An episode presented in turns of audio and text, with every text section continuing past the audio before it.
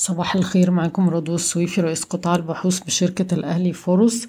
سريعا جدا خلونا نتكلم على في ضوء اللي بيحصل النهاردة. إيه هي الأسهم اللي لديها قدرة على إنها تعمل أداء كويس في ظل انفراجة في سعر الصرف بالرغم من ضعف سعر الصرف بس تواجده زي ما أو أسوة باللي حصل في 2016 علشان إحنا يوم الخميس اتكلمنا عن أكتر أسهم طلعت في السوق. بس عايزين بقى نكمل النهاردة ونشوف طيب إيه الحاجات اللي ممكن انها تطلع في ظل الظروف الحالية بتاعت ظروف السوق الحالية. بنتكلم في ال CIB بنك ابو ظبي الإسلامي المجموعة المالية هرمس طبعا إعادة تقييم الأصول في أوراسكوم للفنادق ومصر الجديدة للإسكان. بنتكلم في طبعا المصدرين النساجون الشرقيون السويدي القبضة الكويتية عز للسيراميك وأسهم تانية هيكون أدائها برضو إيجابي في ظل تحسن السوق بشكل عام الشرقية للدخان إديتا والمصرية للاتصالات.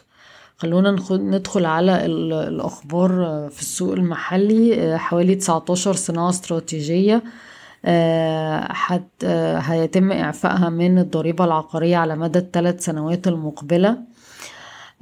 البنك المركزي المصري ووزارة التجارة والصناعة احتمال يسمحوا للمستوردين الغير قادرين على استرداد المستند الجمركي نموذج أربعة بدفع خطابات ضمان مفتوحة لمدة ست شهور مقابل الإفراج الفوري عن شحناتهم بلومبرج كاتب المفاوضات المطولة مع صندوق النقد الدولي بشأن قرض جديد.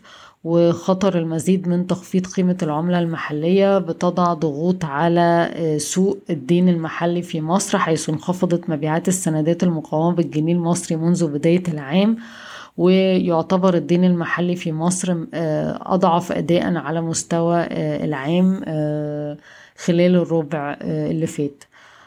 وبرضه بلومبرج ذكرت إن بعض المحللين الأجانب اللي بتبص على المحافظ المالية ذات العائد الثابت بيقول إن تخفيض قيمة العملة بنسبة عشرين في المية بالإضافة إلى زيادة أخرى في أسعار الفايدة من 300 ل 400 نقطة ممكن يخلي مستثمرين العائد الثابت تبتدي تبص على السندات المصرية أو الأذون المصرية مرة أخرى.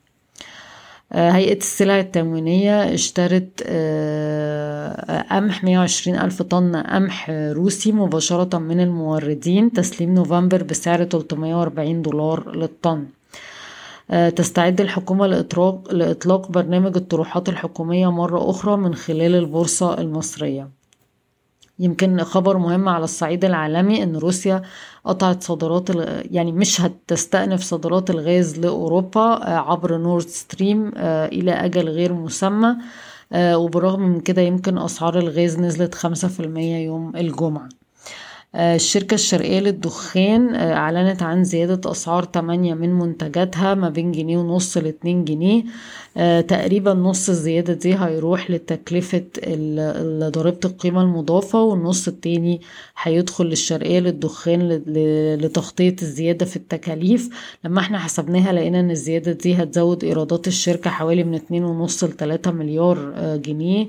واخذا في الاعتبار ضغط في الهوامش هتزود للارباح حوالي 500 ل 600 مليون جنيه.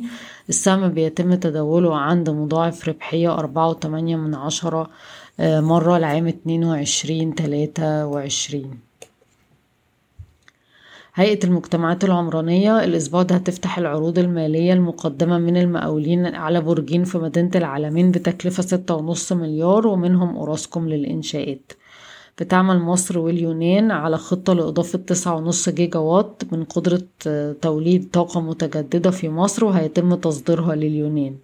تخطط وزارة الكهرباء الكهرباء لطرح ست مشاريع للطاقة الشمسية في أسوان للقطاع الخاص ومؤسسات دولية في الربع الرابع من عام عشرين اتنين وعشرين. بشكركم ويوم سعيد.